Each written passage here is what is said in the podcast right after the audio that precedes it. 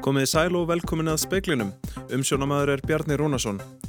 Fjármálar á þeirra segir að taka verði miklar launahækkanir með í umræðina um verðbólguna og hvernig hún þrengi að kjörum heimilana sem hafi ekki verið betri en nú. Hann segir vextina núna sambarilega þeim sem voru fyrir faraldurinn. Stýrivaksta hækkun kemur mest niður á þeim sem keiftu nýlega sína fyrstu fastegn. ASI hefur kallað eftir því að öðrum stjórntækjum en stýrivöxtum verði beitt til að hemja fastegnamarkaðin. Fjölmenn mótmæli hafa verið í minni Appolis eftir að lauruglan skauð 22 ára svartan Karlmann til bana í heimahúsi í borginni. Lauruglan nýtti þar heimild til að fara í íbúð án þess að banka. Ekki gengur að taka hjálpartæki af fólki þegar það fer á hjúgrunarheimili, segir deildastjóri hjá sjúkratryggingum. Úrbætur séu framundan varðandi létt lungnatæki og fleiri hjálpartæki. Á hundra árum hefur stundum gustað um hæstarétt þó að lengst af hafi ríkt um hann friður. Fjallaverður um söguréttarins í speklinum. Bjarni Benediktsson fjármálar á þeirra segir hækkun stýrivaksta ekki óvænta og nú séu þeir sambarleir við það sem þeir voru fyrir heimsfaraldurinn. Hann segir að fylgjast þurfu vel með hvernig þessi staða komi niður á ráðstöðunatekjum tekjulæri heimila. Bjarni bendir á að launavísitala hafi hækkað í fyrra um 7,5% og launakostnaður muni hækka um 7% á þessu ári sangkvæmt spám. Það séu verulegar hækkanir sem verði að taka með í umræðuna. Við vitum að húsnæðisliðurinn er uh, að hækka og heldur áfram að hækka og við þurfum að breyðast við því og það þarf að gera það á frambóðsliðinni. Það er algjört grundvallar atriði og mjög skýr skilabáð frá selabankanum í dag að menn sé ekki að auka á vandan með því að auka eftirspurnina. Um, við þurfum að vanda okkur í opuru fjármálagerðinni núna, áallinagerðinni til næstu ára og svo má nú alveg halda því inn í umræðinni vegna verðbólgunar að, að laun voru, launakostnaður í fyrra var að hækka um 7,5% og það er búist við því að hann haldi áfram að hækka um 7% á þessu ári. Þetta eru auðvitað verulegar hækkanir og verður að taka með í umræðinum það hvernig þrengir að kjörum heimilana en kjör heimilana hafa ekki áður verið betri enn einmitt í dag. En hver eru fyrstu og áhrifamestu viðbröðin við þessu? Við þurfum að fylgjast vel með því hvernig þetta kemur niður á ráðstöðunatekjum svona tekjulára heimila. Saði Bjarni Benediktsson, Jóhanna Vigdi Sjáltadóttir talaði við hann á Alþingi síðdeis og meira um þetta síðar í speklinum. Unnið hefur verið að því í dag að koma miklum búnaði af þingvallavatni Fyrirhugað er að hefja aðgerðir á morgun til þess að sækja lík mannana fjöra sem fórust á fymtudag í síðustu viku. Stemtir að því að hýfa flugvilina upp á förstudag. Kjartan Haugsson, frangvæðastjóri sjótækni, hefur verið fenginn sem sérfræðingur til að aðstóða sér aðgerðasviði landhelgiskeslunar. Hann segir verkefni framundan vera krefjandi. Það eru aðstæður þarna á vatninu, það er kallt og ís þarna allt í kring og, að, og þetta er djúpt líka. En þegar maður kafa nýra á 48 metra dýpi það hlýtur að vera alltaf svona erfitt að aðtapna sig þannig. Já það er það. Dýpi, dýpi gera það verkum en hafa lítinn tíma hérna niðri og þetta er kallt og, og menn þurfa að vera skipulaður og, og nýttmiðar í öllum aðgjörum í rauninni. Þetta er auðvitað allt margvalt, margvalt erfiðar heldur en að vinna upp á yfirborði eða ofan yfirbors. Þannig að já, þetta tekur allt mikið á. Það þarf vantilega að koma þá pramma út á vatni svo kafarættin geti haft einhverja bækistu þar. Já, við verðum með pramma hann út á vatninu í legafærum og, og eins verðum við með nokkra léttabáta líka til aðstóðar. Það er margi sem kom að þessu og þannig að fjárstýri kábótar notar við þetta líka og, og fleira og fleira. Þannig að þetta er svolítið stór aðgerð. Það verður ekki kafanum að þessu örugt. Það verður öryggið ennum fyrir 1, 2 og 3 í þessu. Saði Kjartan Haugsson, Kristín Sigurðardóttir talaði við hann. Vegurinn um Helliseiði var opnað nú á sjötta tímanum. Vegurinn hefur verið lokaður meira á minna síðan aðfaranótt mánudags. Þráttur í bjartviðri á suðvestur horninu í dag var ekki hægt að opna heiðina vegna fannfergist vestanmegin í hveradölum. Snjóblásarar áttu fullt í fangi með að komast í gegnum skablin sangvat upplýsingum frá vegagerðinni. Dinnandisheiði er enn ófær, flestar aðrar leiðir á landinu eru orðnar færar en vetrarfærð er víðast hvar. Sviðstjórið þjónustusvið sjúkratrygginga segir þörfa á að leifa lungnasjúklingum að taka létt lungnatæki með sér inn á hjúgrunarheimili. Ekki gangi að taka tækin af fólki. Varaformaður samtaka lungnasjúklinga segir mannréttindabrót að taka létt lungnatæki af fólki þegar það fer inn á hjúgrunarheimili. Heimilin eiga að sjá fólkinu fyrirtækjum en nokkur misbrestur hefur verið þar á. Júlíana Aspelund er sviðstjóri þjónustu svið sjúkratrygginga. Já, kannski til að byrja með að það langar maður að taka undir með samtöku lúnasjúklinga um að það er mikilvægt að íbúa hjúkunarheimila hafi greiðan aðgang að öllum nöðsynlega hjálpatækjum og það felur að sjálfsögði í sér ferðarsúröfum síðan líka. Sankvæmt reglugerðum greiðslur öldrunastofnana vegna hjúkrunarþjónustu þá eiga hjúkrunarheimila tryggja að þeir sem þar dvelja fái nöðsynlega hjálpartæki. Jáfnframt segir um styrki til hjálpartækja að einungis hjólastóla og göngugrindur megi taka með sér inn á heimili sem og tjáskipta hjálpartæki. Hins vegar er verið að endur skoða reglugjörðum styrki vegna hjálpartækja með tillit til þess að einstaklingar fái að taka með sér svona einstaklingsmyndin hjálpartæki og haldi þeim réttindum eftir að þeir flytja inn á hjókunaheimili. Og þetta á við um uh, margskonar tæki í rauninni. Fólk talar jáfnvel um að það séu brotin á því mannréttindi að taka þetta af þeim. Nógu mikið átaksi að fara inn á hjókrunarheimili. Já, það er alveg nokkuð að tækja sem fólk þarf að skila þegar það fyrir inn á hjókrunarheimili. Þannig að ég held að þetta sé mjög, mjög mikilvægt að breyta þessu og að það verði bara gert sem fyrst. Ég get ekki sagt hvena það verður en bara vonandi sem fyrst. Þetta var Júlíana Aspelund, Ólafur Rún skúladóttir talaði við hana. Stúdendari í minni Appolis hafa krafist viðbraða eftir að Amir Lók, 22 ára svartur karlmaður, var skotin til bana í heimahúsi. Meðal annars er krafist það heimild lögreglu til að fara inn á heimili án þess að banka verði afturkölluð. Lögreglan réðist inn í íbúð í miðborg Minneapolis á miðvíkudaginn var. Amir Lók láð þar í sófa undir teppi en þegar hann risti sig upp kom í ljós að hann var vopnaður. Lögreglan skaut þá þremur skotum fyrir var að laust. Myndskeið úr búkmyndavél hefur verið byrt.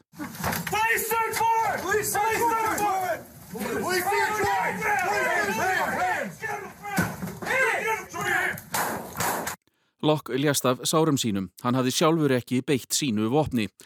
Lögreglan réðist inn á grundvelli heimildarum að hún geti farið inn í íbúð án þess að banka. Lögreglan var að rannsaka morð sem Lokk tengdist ekki. Frændi hans var síðar handtekinn fyrir það. Strax kom gaggrinni á þessa heimil til að ráðast inn á þessa banka en áður hafa komið upp tilvík þar sem svart fólk hefur verið skotið til bana eftir að lögregla nýtti þessa heimild. Lögreglan ákvað fyrir helgi að setja takmörk á hana en mótmælendur sem söpnuðust saman í gerðkvöld kröfðust þess að hún erði alfarið feld úr gildi. Þá gengur stúdendar víða í minni sótaríki úr kennslustundum sínum í gær til að krefjast þess að tekið yrði á ítrekkuðum morðum lögreglunar á svörtum mönnum. Frægasta tilviki þar er morðið á George Floyd fyrir tæpum tveimur árum sem komast að mikilli mótmælaöldu í bandaríkjónum og víðarum heim. Borgar yfir völdi í Minneapolis hafa lofað opinni og gagsæri rannsókna á málinu. Hallgrimur Indreðarsson saði frá. Sandurinn sem virtist þekja viki Mýrdal í gær er hulinn snjó. Sveitastjórin í Mýrdalsreppi segir að ljósmyndir sem byrtust í fjölmjölum í gær hafi gefið ranga mynd af sandmagninu. Íbúum í Víki Mýrdal var brúði þegar þeir vöknuði í gerðmorgun. Drungalegur bærin var á kafi í sandi eftir hvasviðri næturinnar. Af ljósmyndum af dæma virtist bærin vera byggður á svörstum sandinum í reynisfjöru. Heilu skabladnir lágu upp að húsum og vegir voru ósjáanlegir. Þorbjörg Gísladóttir, sveitarstjóri í Mýrdalsreppi, býr í Vík. Það var mjög sláandi að koma út í gerðmorgun. Það var eins og hefði það yfir öskugos. Það var allt grátt allir gluggar og bílarnir í sandi. Það eitt og sér enn nóg slæmt en, en kannski myndirnar gáðu kannski ekki alveg rétt að sína á þetta vegna þess að undir þessu gráa öskulagi eða sandlagi var bara haugur af snjó. Aftur snjóaði mikið í gær og bærin er því ekki lengur grár yfirlitum.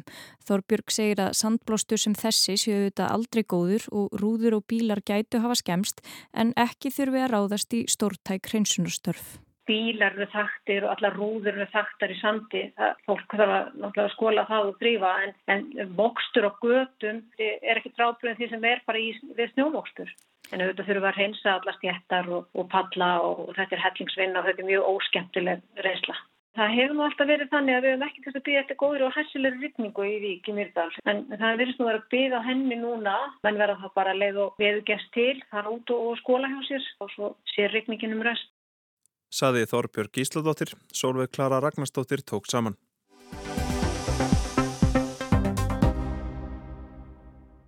Í spekli kvöldsins ræðum við um stýrivaksta hækkun Sæðlabankans frá því morgun og áhrif hennar á atvinnulífið og viðkomu hennar við heimilinni í landinu. Í setni hluta þáttarins skoðum við svo sögu hæstaréttar Íslands og pólitísk afskipti af honum. Hæstiréttur fagnar 100 ára afmæli um þessar myndir. En fyrst að máli dagsins. Sæðlabankin hækkaði stýrivexti í morgun um 0,75% stygg. Þeir eru nú ornir 2,75%. Vextinnir eru hækkaðir í skugga vaksandi verðbólgu. Ímsir hafa kvart Sæðlabankan til að hækka ekki stýrivexti, svo sem fórseti Alþjóðsambans Íslands sem sendi peningastefnur nefnd bankans bref þess efnis í gær. Sæðlabankin spár 5% verðbólgu á þessu ári, sem er tvöfalt verðbólgu markmið bankans. Hann gerir ráð fyrir enn meiri verðbólgu á fyrsta ársfjórungi, 5,8%. 5,7% af verðbólgan sem mæltist í síðasta mánuði er svo mesta frá því april 2012. Til að ræða þessi mál eru komin hingaði speilin þau Annar Hefna Ingimundardóttir, fórstuðumöður efnahagsviðs samtaka atvinnulífsins og Róbert Farsveit, sviðstjóri stefnumótunar og greininga hjá Alþýðisambandi Íslands. Verðið velkomin. Takk. Takk fyrir það. Fyrir að fyrsta, þetta eru umtalsverðar hækkanir og vakstastegan og orðið það eins og það var fyrir faraldur. Hvernig leggst þetta í ykkur? Þegar byrjum á þér, Anna. Já, þetta var nú svo sem ekkert sem kom óvart. Það voru greiningaræðilar uh, og voru nú nokkuð sammáli um að þetta er þið niðurstaðan uh, og þetta kemur auðvitað illa við mörg heimili en, en hérna það má heldur ekki gleyma því að að vissuleiti endur speklar þetta betra efnahags ástand og að því litur um til jákvægt að við séum ekki ennþá í, í sögulega uh, lágu vakstasti. Hvað segir þú Robert? Já, það er rétt að efnahagslífið er að fara í gegnum efnahagsbata og atvinnleysi hefur verið að lækka. Uh, Ávíkjefnið þó að, að við erum að sjá tölur og kostnaverðshækkanir fara yfir uh, efnarslífið og vaksandi verðbólgu og síðan óstöðuleika á húsnæðsmarkaði. Uh, áskorun sem fórsetið alþjóðsambundin sendi snýra því auðvitað að reyna að beita í fremsta megni öðrum stjórntækjum til að hafa heimil á húsnæðsmarkaðum og það er ákveðið svona vonbrið að það hefði ekki verið gert. Eins og hverju? uh, að reyna að hemla þá, þá fastegnamarkaðin fyrr uh, gera þá þrengri eiginfjárkröfur sem hefði verið hægt að gera þá samlega uh, eh, vakstalækkunum þá í, á síðast ári Haldið að þessir, þessi hækkun stýravaksta, hún skili til alltaf um árangri, er þetta nöðsynlegt? Það er nú erfitt að sjá hvernig Sælabankin hefur átt annar að kosta völ við þessa kringumstæður, verðbólgu þetta tölvert uh, yfir því sem að vænst var. Uh, raunvextur eru ennþá uh, hérna, talfast neikvæðir en ég get alveg tekið undir þetta sem Róbert er að segja. Við bentum líka það að verðþrýstingurinn er fyrst og fremst núna að koma frá húsnæðismarkaði Uh, og það er nú bara svo sem ekki hægt að gera uh, með vakstahækkunum. Það hefur líka verið hægt að beita og, og er enn þá hægt að gera uh, svo kvöldum þjóðhags varðatækjum sem hefur verið gert en áhrifin að því kannski ekki en þá alveg komin fram en líka höfum við verið að benda það að það verður að taka líka á þeim frambóðsvanda á húsnæðismarkaði sem er að knýja áfram þessar verðhækkanir sérstaklega þegar við sjáum það á sama tíma að þessi hagvöstur sem er í kortunum mun alveg öruglega krefjast aukins innflutts vinnuafls þannig að eftirspyrnin mun bara koma til með að aukast þar þannig að það er mjög mikilvægt að þá einnig í samhengi verðbólguna að, að það sé teki á á þessum frambásvanda. Robert, hver er finna aðalega fyrir þessum hækunum? Sko heimilin hafa undarfarið sótt í óverðri lán með breytilum vöxtum. Sum hver hafa þetta nú þegar fest vexti og þá í sjálf og sér bara hækka vextina sína nú þegar. Þeir sem auðvitað lenda vesti eru nýju kaupendur sem hafa þurft að koma á markaðin að háu raunverði e, með mikla skuldsetningu og kannski einhverju leiti ekki með, með fullkonna þá svona framsýni um efnashorfur eðlilega. Og þessir hópar geta lendið að sjá greiðslubrið að hækka tölverð og það er kannski eina ástöðan fyrir við viljum sjá aðgerði til að dempa þetta því að tölurna geta verið eh, tölverðar hlaupið 100.000 krónur ári í, í aukna vakstabyrði. Sælabankastjóri hann brást nokkuð hart við þeirri gaggrinni sem var viðröð á fundi bankans í morgun þegar spurt var hvort að þessi hækkun var í Afleðing þess að stýrivaksta lækkanir í upphafi faraldusins hefðu valdið verðhækkunum á húsnæðismarkaði og hvort að bankin væri nú að breyðast við sjálfsköpuðum vanda með hækkun stýrivaksta. Saði þetta byrja að votum minnisleysi þeirra sem gaggrina bankan því að þeirra hafi talað á öðrum nótum á sínum tíma og að aðgerri bankans hefðu gefist vel og var í krónuna falli og viðhaldið kaupmætti. Hvernig fannst ykkur bankarum takast til og hvað finnst ykkur um þessi orð selmókstjóra? Sko ég get svo mikið tjámið um orðin sérstaklega en, en við vitum þetta að vaksta lækunin hafði áhrif á eignaverð. Það er bara hluti að miðlunarferðli peningastöfnunar og markmiðum. Hvort að, að það hefði þurft að bregðast með öðrum hætti eins og með þjóðsvarúðtækjum eins og við annað höfum nefnt. Það er spurningin eh, en, en öðru leitið þá er það alveg ljóst að vaksta lækunin hefur haft þessi áhrif. Það er alveg skýrt. Mm -hmm. Hvað finnst þér hana? Já, ég held að það sé nú erfitt að tala um að það hefur verið mistök gerð. Það er nú fyrstulega erfitt aftur að segja því hver hliðstæður veruleiki hefur verið. Við vitum að það hafði jákvæð áhrif í aðgerir bæði sælabankans og og stjórnvalda um, á fjárhag heimila og fyrirtækja og, og hérna við fengum nú almennt mjög góður umsagnir frá uh, til að mynda alþjóðastofnunum uh, OECD, alþjóðagjaldursjónum og lánsæðismats fyrirtækjum sem að töluðu nú frekar vel um viðbröðin á Íslandi. En auðvitað já, fyrir séð að þetta myndi hafa áhrif á eigna verð en, en hérna eins og Róbert nefnir önnur tæki sem að hefur hægt að að nota kannski mögulega í auknum mæli til að, að tempra verðhæðin hækkaninnar þar þá fyrir. Mm -hmm. Nú eru framöndan kjara viðræður. Hvaða veganesti er þetta enni svona undibúning þeirra?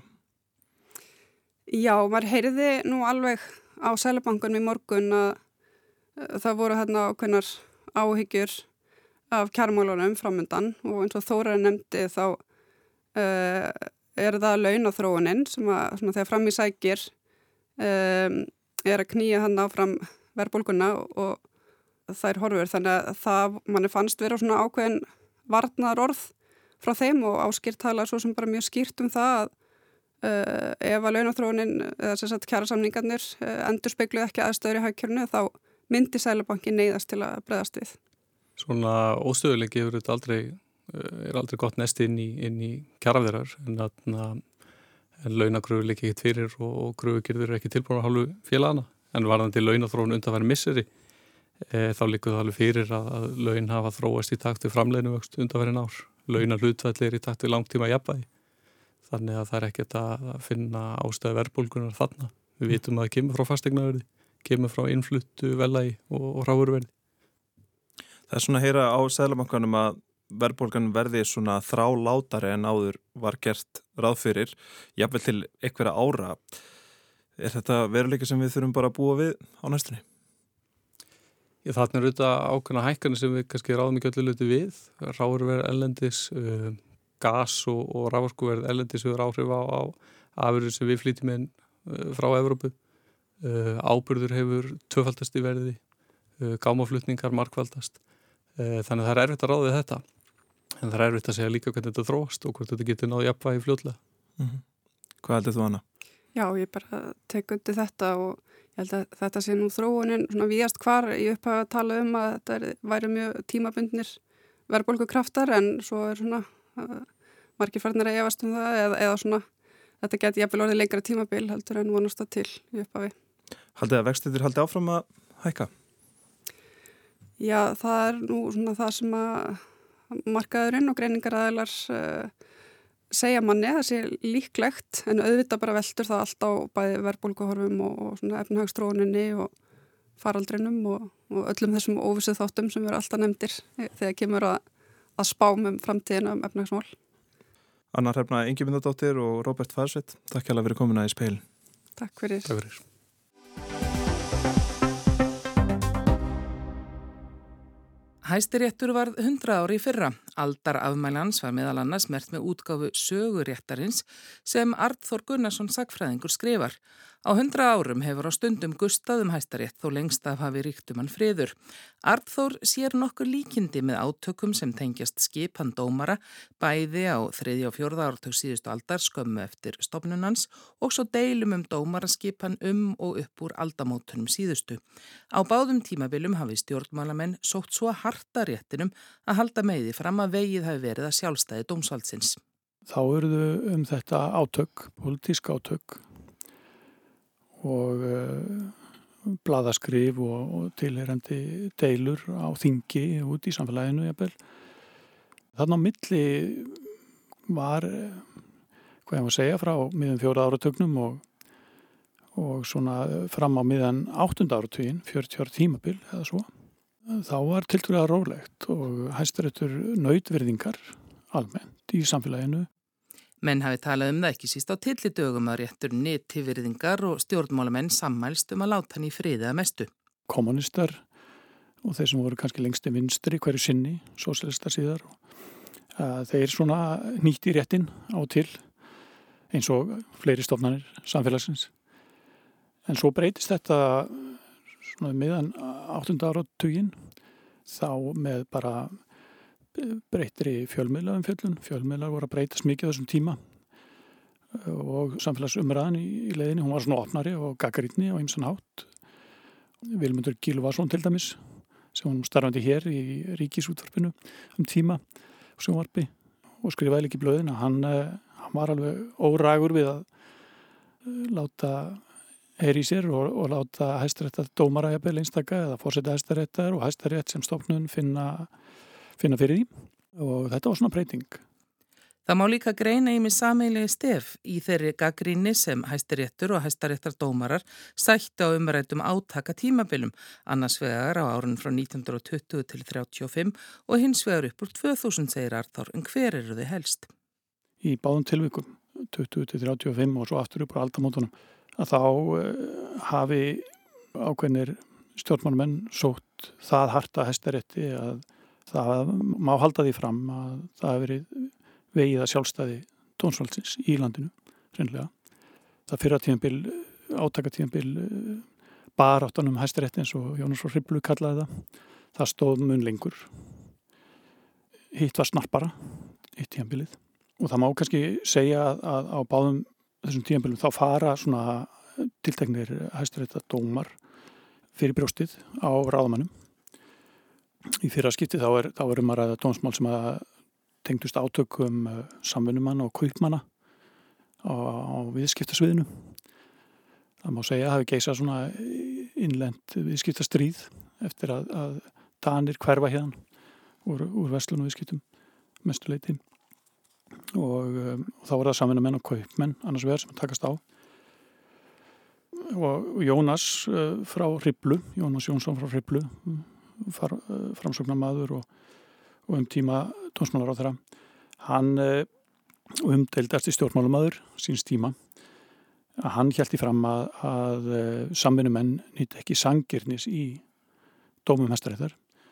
En í síðara skipti þá til dæmis fóru hæstaréttar dómar sem að verðu fiskveði stjórnunar kerfið og öryrkja dómurinn sem margi mun eftir það voru mjög umdeildir dómar þetta fór fyrir brjóst á þávarandi fórsættisráður að Davíð Ótsinni og formanni sjálfstæðsflóksins og í báðum tilvægum þá fylgja í kjölfarið umdelda skipanir í embætti hæstaréttar dómara þar sem að ráð þeirra annars vegar framsóknarflóksins og, hins vegar sjálfstæðsflóksins skipi embætti þá, þá einstaklinga sem að þeim voru þóknarleir og þetta voru afar umdelda skipanir í síðara skiptið að gengi gegn áliti hæstaréttar og það, þá gerist það í fyrsta skipti að það, það er gert.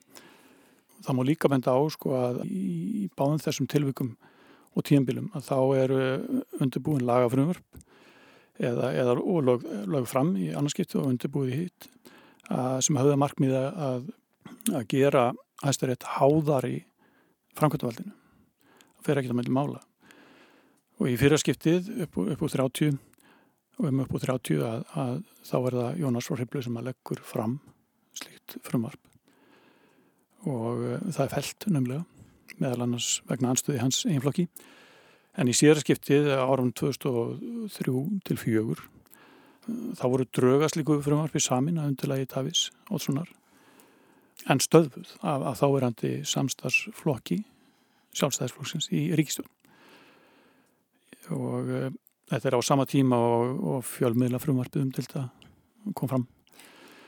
Og ef maður svo kannski rínir nánar í þessi tímabil, þessi óróleika tímabil sem ég kalla, að þá eh, kemur ljósa að baki Jónasar frá Hriblu og Fransnaflóksins er voldugasta viðskipta samsteipa landsins, samband íslenskara samanfélaga.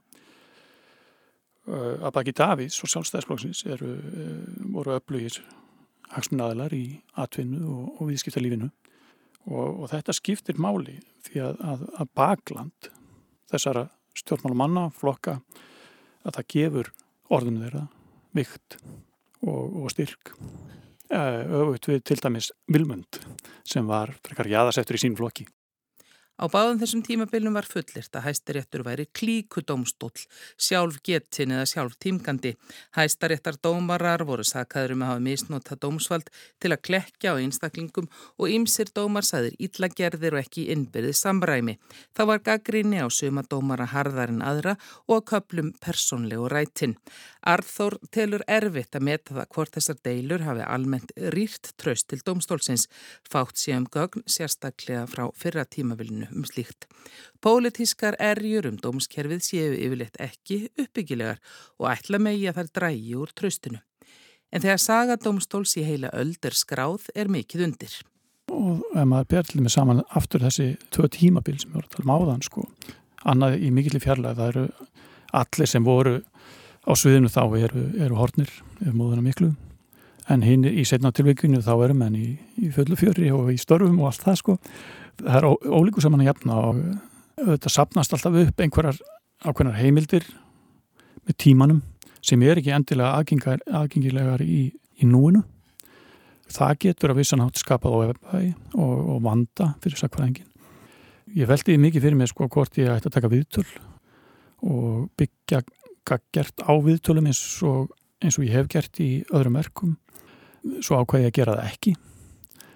Og um, það er gríðilega vandarsamt að gera það.